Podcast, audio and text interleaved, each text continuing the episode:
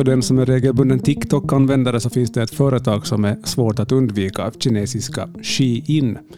Videos taggade med Shein har miljarder visningar i appen och försäljningen den har lyft som en raket.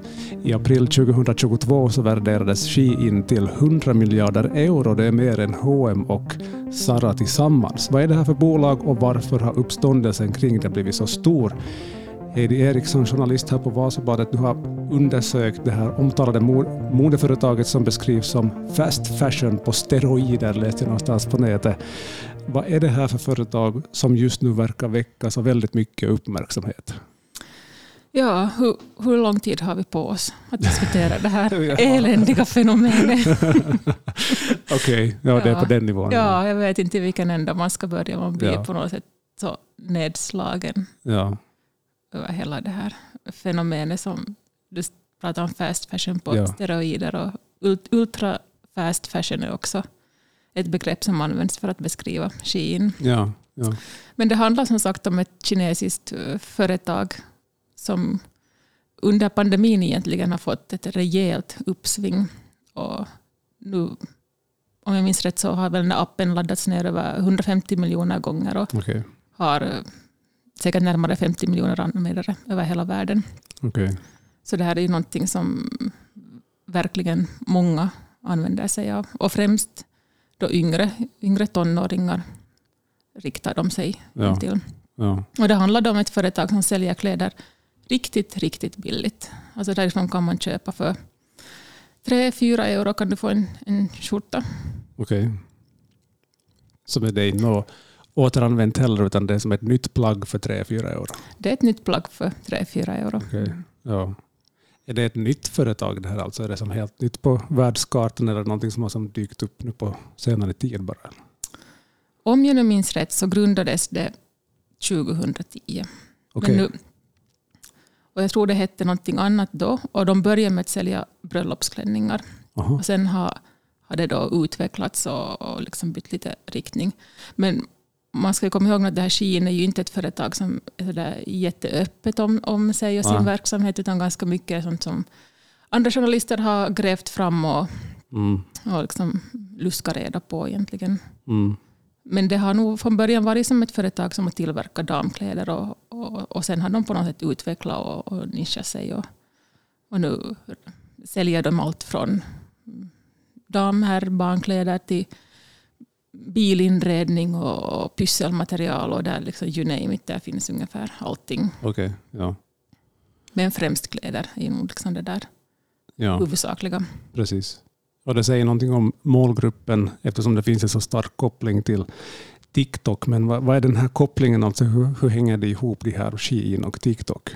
Ja, uh, Shein har tydligen tagit som strategi att, att marknadsföra sig på TikTok främst. Och då använder de influencers. Okay. Och inte vilka influencers som helst, utan gärna mikroinfluencers, som är så små influencers som inte har så hemskt många följare. Ja. Och det i sin tur är för att då behöver de inte betala någonting åt de här mikroinfluencers, mm. för de är så små. Så de är ju bara glada de också om de har en chans att växa och bli större. Så de gör mot betalning av kläder, gör de då inlägg som Shein, eller marknadsföring för Shein egentligen. Mm. Mm. Och på det här sättet har de då lyckats nå den här unga publiken. Det har lyckats bli en, en grej och en hype kring det här Shein Halls, eller Shein Halls som de här influencers, de, de köper kläder och, och sen visar de upp dem på TikTok helt enkelt. Och, okay. och sådär. Should I keep this or toss it? Ungefär. Ja, okay. Vad är liksom, var kanske jag fel. Jag är uppenbarligen fel målgrupp för att försöka förstå det här. Men vad är som poängen? Är det, som, är det meningen bara att man ska som köpa in så mycket som möjligt och visa upp det på TikTok? Eller finns det folk som också på riktigt köper kläder för att använda det? Eller bara, är det bara show-off? Ja, det är ju en bra fråga. Är det, jag tror ju mycket är bara den där ja, jag, jag hör ju inte heller till målgruppen. Nej. Jag är ju liksom en, du och jag är båda dinosaurier i det här sammanhanget. Ja, ja, det är vi, ju. Vi, vi förstår väl kanske inte fullständigt tjusningen i det här. Ja. Men alltså Shein är ju... de är alltid liksom på det nyaste modet. Och där finns alltid liksom det häftigaste och det färskaste att köpa för en jätte, jättebillig peng. Ja. Så det är ju klart att, att det här tilltalar kanske unga då, som inte förstås har så mycket pengar att röra ja, sig med. Förstås. Och som väldigt gärna vill hänga med i mode. Ja. Så då är det ju lätt att beställa därifrån ett, ett plagg för några euro. Ja. Och så, okej, okay, man använder det en gång. Ja, men det var inte så stor förlust. Den kostar ju bara fem euro lika mycket som det skulle kosta att gå på ett café, eller mindre till ja, och med, ja, ett min... kafébesök. Ja, så då kan man bara slänga bort det. Man slänger kan, bort det. Mm, man, och så kan man köpa ett nytt plagg. Och orsaken till att man slänger bort det är ju för att kvaliteten är ju så dålig. Mm. Så där, där, finns ju som inte något andrahandsvärde i de där kläderna heller. Ja, precis. Vad skulle du säga, vad är som problemet med Shein och vad är skillnaden med det jämfört med andra traditionella modejättar? Ja, no, alltså det största bekymret är ju nog den enorma mängden varor som de producerar ja. dagligen. Att menar, Shein publicerar dagligen liksom upp till 10 000 nya varor varje Oj. dag. Oj. Okej, okay, man fattar mängden. Man fattar mängden ja, ja. Om, om Shein. Det var en undersökning som något amerikanskt universitet hade gjort. Där hade de konstaterat att Shein producerar 1,3 miljoner nya produkter per år medan H&M och Zara var var det typ 10 000 eller 25 000. Ja. Så vi pratar om en helt annan, Kina är en helt annan klass än ja. de här andra ja. Snabbmodekedjorna. Om man tänker på, på tillverkningen av de här kläderna, vad är det som skiljer sig där Shein från, från andra klädföretag? Det, där, alltså det som Shein gärna vill framhålla är ju att de producerar då mellan 500 och 1000 exemplar av, av varje nytt plagg som de tillverkar. Mm. Och så om det visar sig vara bra så tillverkar de mera. Och det här kan ju förstås låta, men det där är ju liksom ansvarsfullt och, och ett bra sätt. Ja. Att man producerar inte tusentals. Men sen om man tänker att, att de har då de har de här tusentals nya plaggen varje dag, så det blir ju oavsett enorma mängder kläder som produceras, mm. fast det bara är sådana små mängder. Så det är ju, det är ju kanske en, jag menar de här andra, andra vad heter det, snabbmodekedjorna, så de, när de producerar kläder så tar de ju fram då, vet du vad de nu räknar att de ska sälja globalt då, jag vet inte hur många hundratals, ja. Tusentals plagg det då behövs. Och producerar allt på en gång och så ser de, ja då finns liksom hela lagret färdigt men att mm. Shein jobbar inte på det sättet. Nej. Ja, det låter ju som en affärsidé som inte riktigt går ihop med någon form av liksom hållbarhetstänk överhuvudtaget, men de kanske inte är intresserade av det heller, utan det är bara att sälja så mycket som möjligt. Ja, no, så, så, så låter det ju, så känns det ju. De själva påstår ju förstås annat. Klart ja, det gör de säkert. Ja. Och, och sen är det ju, menar, man måste ju också prata om, om materialet i kläderna och, och kvaliteten på kläderna. När, när jag beställde till redaktionen ett antal plagg och, och jag försökte verkligen välja mm. plagg som skulle vara gjorda av någonting annat än polyester och akryl. Mm. Alltså någon form av, av naturmaterial, bomull ens. Ja. Men alltså, det var jättesvårt att hitta ah, okay. några sådana plagg. Att, att det som där säljs är ju, är ju polyester och akrylplagg. Och det säljs ju för att det är så billigt. Mm. Och då pratar vi inte om, jag menar polyester finns det också, på skalan, skalan är ju stor där och det finns ju bättre polyester, och, eller dyrare ja. och billigare. Och det här är ju inte liksom något, något dyrare, utan det här är ju det billigaste. Ja, billigaste. Precis. Och det som ser bra ut på bild och, och gosigt och, och trevligt, och sen när man får det så det är ju någonting helt annat. Ja, ja. ja det kan se bra ut på bilderna. Sen mm. när man får det i händerna så är det inte riktigt samma känsla. Nej. Ja, vet man någonting om, om vi nu går in på det, hur det tillverkas de här kläderna, om man vet någonting om arbetsförhållandena för ni som jobbar med att sy Sheins kläder. Mm. Och där är igen samma sak, att det är klart att de... Det ju, alltså för det första har ju inte Shein någon egen fabrik ah, där okay. de skulle sy alla sina kläder. Nej. Utan de, de har anlitat de underleverantörer.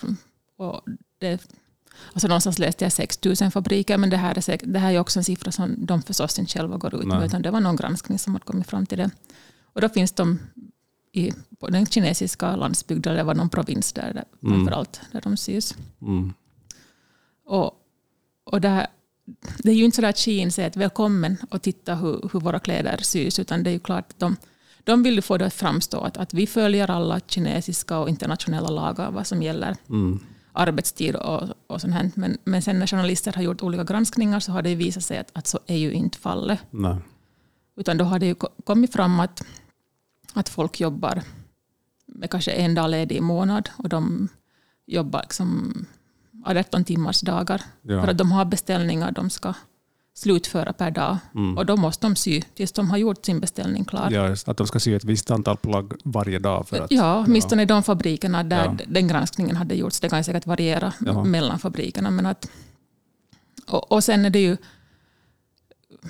alltså lönenivån. Men mm. Jag tror att alla någonstans tänker att köper man ett billigt plagg så måste man ju fatta att den som har sytt plagget har ju inte fått no. en, en skälig lön för besväret. No. Men här, här pratar vi ju nog om alltså sådana summor som man, man liksom man blir alldeles matt. Det var den här ena fabriken där, det var här Channel 4, en, en brittisk tv-kanal som hade gjort en, en dokumentär och infiltrerat sig mm. i en fabrik och, och kom liksom åt att, att prata med de som jobbar där. Så där visade det sig att de anställda får 0,03 cent betalt per färdigsytt plagg. Ja. Och sen om, gör, om de gör ett misstag på något plagg så dras två tredjedelar av, av dagslönen bort. Ja. Och det är inte frågan om 7-8 timmars arbetsdag? Nej, nej, då jobbar de 15, 16, 17, 18 timmar. Mm. Och på en annan fabrik så hade de tydligen en månadslön som var 500 euro. Ja, okay. Men där är ju samma sak, att då, då jobbar man ju varje dag, långa dagar för att få, få liksom arbete gjort varje dag. Och sen förstås arbetsförhållandena. Jag menar, vi pratar ju inte om fabriker vet du, så som vi kanske föreställer oss att det är vet du, fina faciliteter Nej. och det är luftkonditionering och det är liksom pauser och hela tjofaderittan. Ja. Här är ju liksom någonstans i något vet du, sunkigt kvarter en, en sån här sweatshop. Och ja. Brandvägarna är blockerade av stora klädsäckar. Och, Bullriga och trånga miljöer. Nej, exakt, ja. ja. Och de, liksom, när människorna jobbar så, så långa dagar där så inte har de något annat liv än att, än att jobba där. Nej.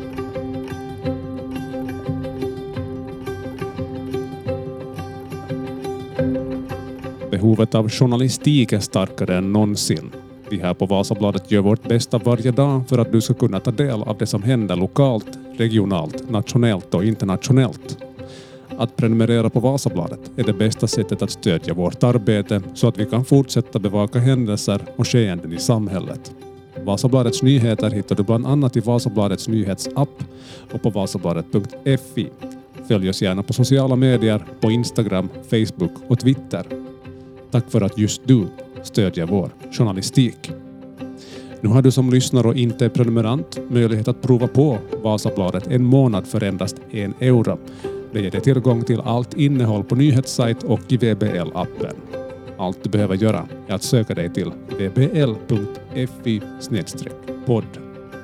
Tack för att du lyssnar på Bakom rubrikerna.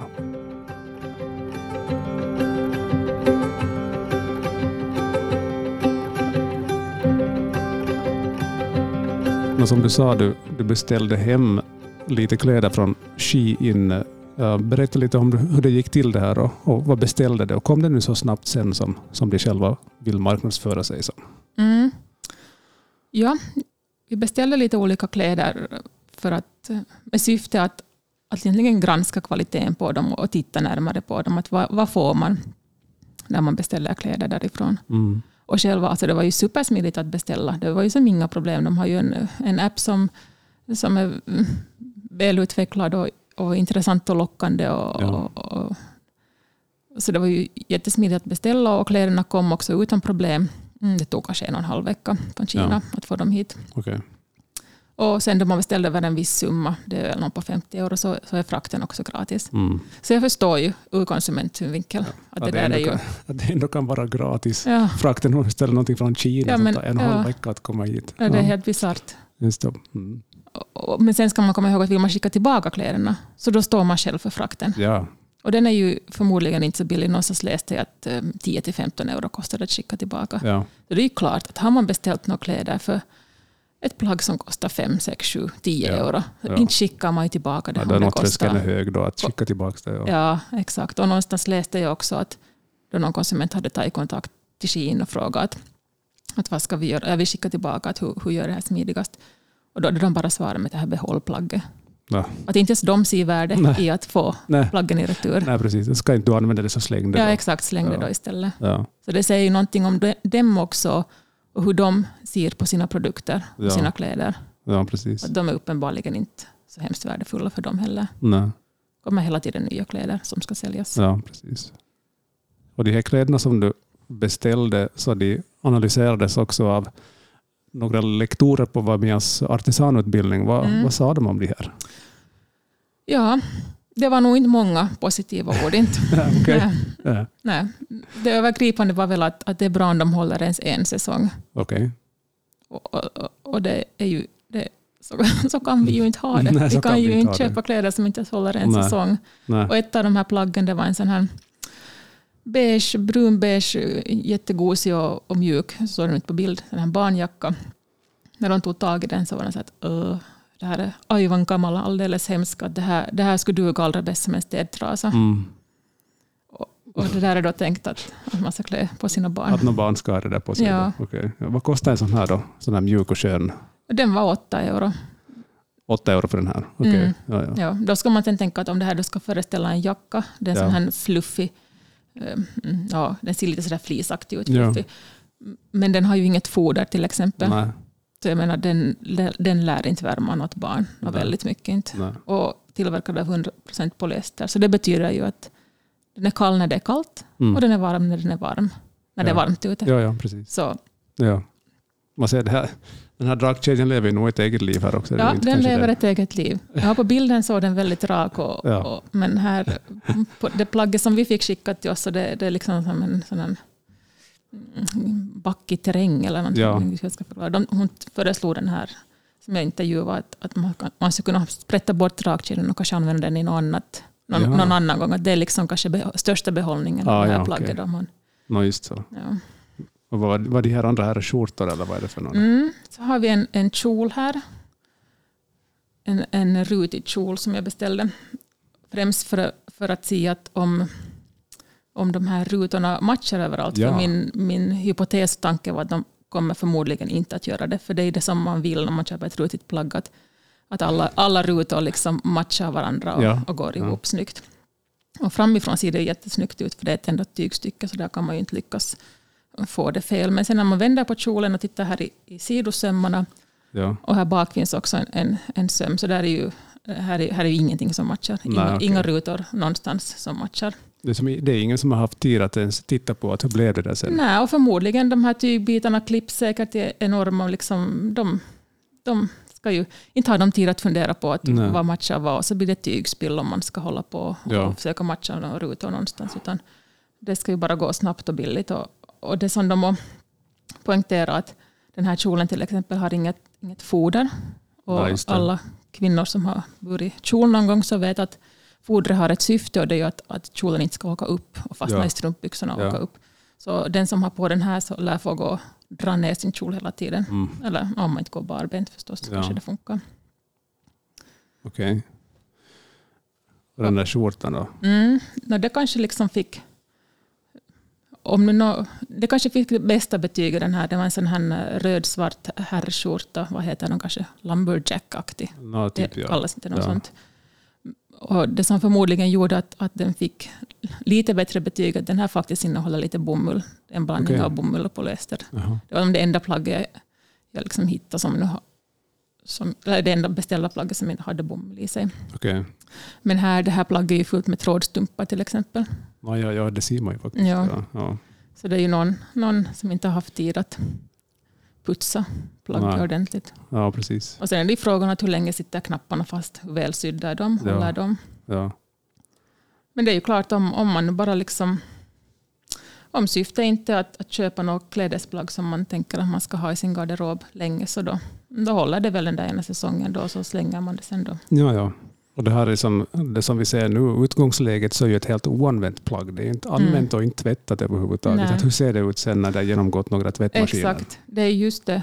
Både polyester och akryl är ju sådana material som noppar jättelätt. Ja. Både i användning och i tvätt framför allt. Så det, de, de lär ju inte se bra ut Nej. efter några tvättar. Inte. Nej. Det gör de inte. Ja, hur tänker du själv nu när du har beställt och provat det här och och liksom fått det analyserat? Blev du lockad av att beställa mera från Shein? eller var det? Nej, Aha, nej jag, har, jag har ju två döttrar där hemma, 11 och 13 år. Och, och ja. de, jag har ju nog fört diskussioner med dem därifrån. Får jag nog påtryckningar att mamma kan inte beställa. Alla ja, andra beställer också. Ja, det är så, ja. Det är så billigt mamma, visst kan vi beställa. Ja. Men där har jag nog, där har jag nog varit hård och sagt att i vårt hushåll beställs inte därifrån. Nej. Och sen försökt liksom diskutera med dem varför beställer vi inte därifrån. Ja. Ja. Och försökt få dem att förstå. Men nu är det ju nu är det liksom ett stort och svårgreppat fenomen för dem, hela klädindustrin och hur det liksom Eh, hur det drabbar människorna där och hur det drabbar liksom miljön och, och ja. klimatet och alla de här. Liksom, jag menar, textilindustrin står väl för 10 procent av alla ja, liksom, utsläppen. Så det, alltså det, ur den aspekten så behöver man ju inte här. Nej. Nej. Eller mänskligheten behöver inte den här typen av företag. Nej, mänskligheten behöver inte det här. Nej, verkligen inte. Ja. Ja, det här, du har läst på om Shein och, och sett de här kläderna, har det som förändrat ditt sätt att tänka eller se på klädkonsumtion? Eller?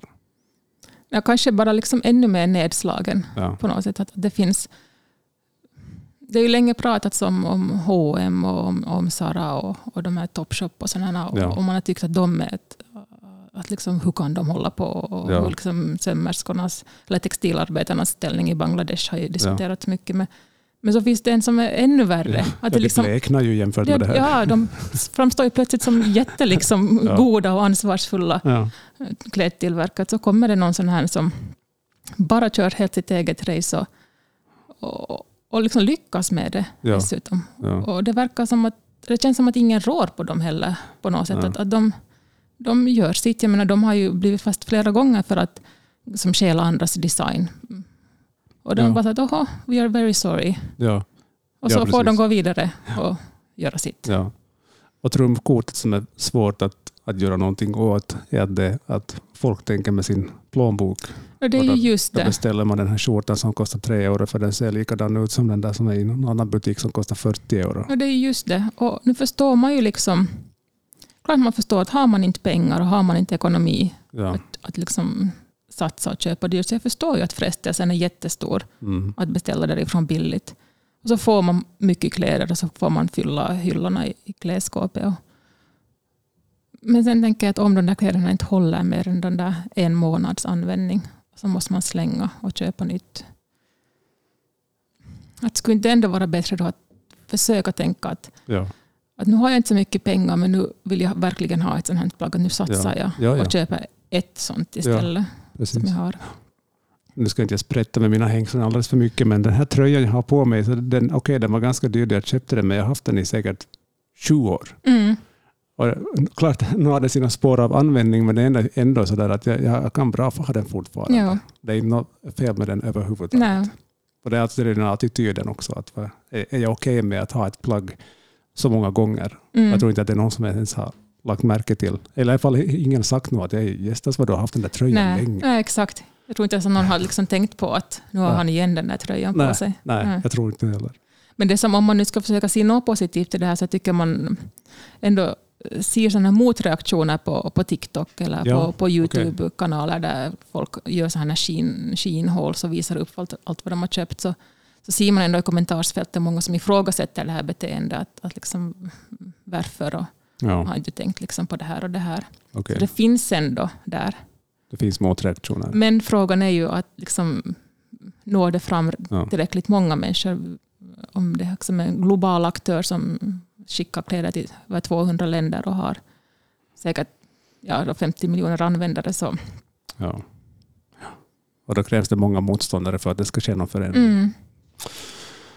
Sen kan man ju också, om man vill ännu liksom problematisera det här på en ännu högre nivå så kan man ju fundera att varför, varför ska vi ha sådana avtal som gör att, att det ska vara så billigt att, ja. att liksom skicka kläder från, från Kina hit? Nej, att, att, borde liksom det göras någonting ja. på den nivån att mm. det inte ska gå att få ens dem så Nej. billigt? Nej. Nej, precis. Där, där har det i alla fall diskuterats på EU-nivå, just den här handeln med, med det som kommer från Kina, att det borde ha en slags koldioxid mm. eller skatt som skulle sättas på den här produkten just för att ja, men, om du ska ha den så måste du betala det här. Exakt. Lite en högre avgift för att det, det, det är inte hållbart att beställa hem den här tusentals kilometer hemifrån den ena tröjan som du ska ha. Nej. Hedi Erikssons artiklar om Shein det kan man inom kort läsa på vasalbladet.fi, så håll utkik på nyhetssajten och du hittar också den på vbl.fi podd. Tack ska du ha Heidi. Tack ska du ha. Jag, ännu på slutet skulle jag bara mm. vilja säga att jag vet att vi inte kan liksom förändra världen och vi kan som inte lägga ner Shein fast hur vi ens skulle vilja det. Men jag tänker att om nu ens en eller två eller tre tonårsföräldrar där ute liksom tänker en extra gång innan de går och beställer det som barnen vill ha, så då, då har vi lyckats med någonting. Så jag hoppas att nästa gång era barn kommer att rycka i ärmen och vill beställa någonting från Shein, så läs åtminstone på lite för att vad ni beställer och vad det där företaget står för.